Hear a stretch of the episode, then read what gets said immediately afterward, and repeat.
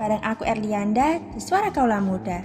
Di sini aku akan memberikan tips nih buat mengatasi beban diri. Stay tune ya. Pernah gak menganggap diri kalian sebagai sebuah beban? Merasa bahwa diri kita tidak berguna?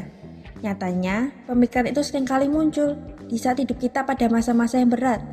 Seringkali kita menyalahkan diri sendiri, tidak tahu apa yang harus kita lakukan, merasa bahwa hidup tidak berjalan lancar, overthinking sudah menjadi makanan, kesepian sudah menjadi teman. Pada dasarnya, semua orang pernah mengalami kok. Kita hanya perlu menjalani dengan melakukan yang terbaik. Walau ini tak mudah, yakinlah bahwa selalu ada hikmah. Selalu ingat bahwa kamu bukanlah beban, kamu layak untuk bahagia.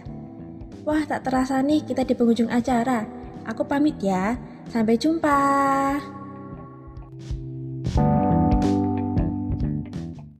Suara Kaula Muda FM selalu ada di hati penggemarnya.